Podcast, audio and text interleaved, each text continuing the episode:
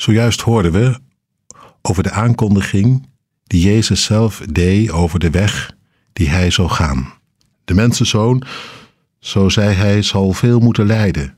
Door de oudsten, de hoge priesters en de schriftgeleerden worden verworpen en gedood. Maar op de derde dag zal hij worden opgewekt. Ik legde uit, het is onontkoombaar. Waar God, waar Jezus met ons in aanraking komt, moet hij altijd het onderspit delven. Willen wij altijd linksom of rechtsom van hem af.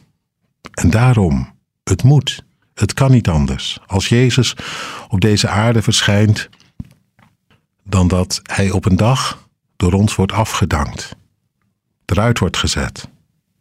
Het is een vervolg op wat er ooit begon. Weet je wel, helemaal in het begin, toen mensen braken met God, hem de rug toekeerden. Jezus ziet het voor zich. Onontkoombaar zal het wezen, maar er is ook een andere kant. En die is onweerstaanbaar. De kant van God.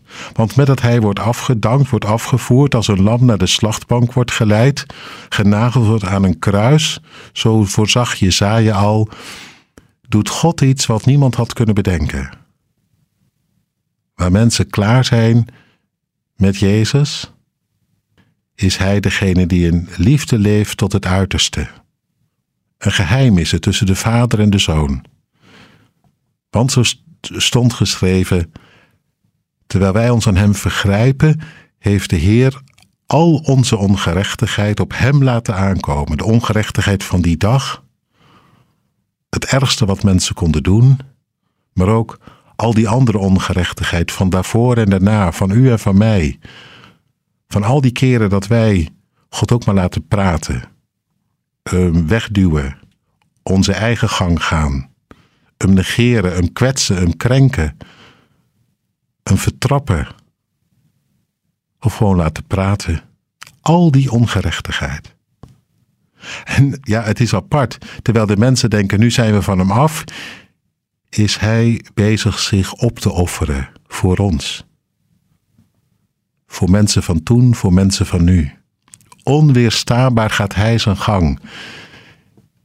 Niemand die het tegen kan houden. Hij hangt al te bloeden en te boeten voordat wij er erg in hebben. Wij staan nog te jouwen en te schreeuwen. Maar hij is bezig verzoening te doen.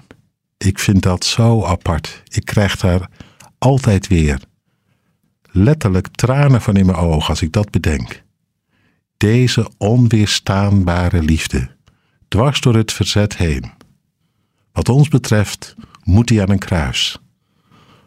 Wat hem betreft gaat hij in liefde tot het uiterste, om ten derde dagen te worden opgewekt, alle schuld en vloek en doem te boven, zodat jij en ik zouden leven in vrede met God.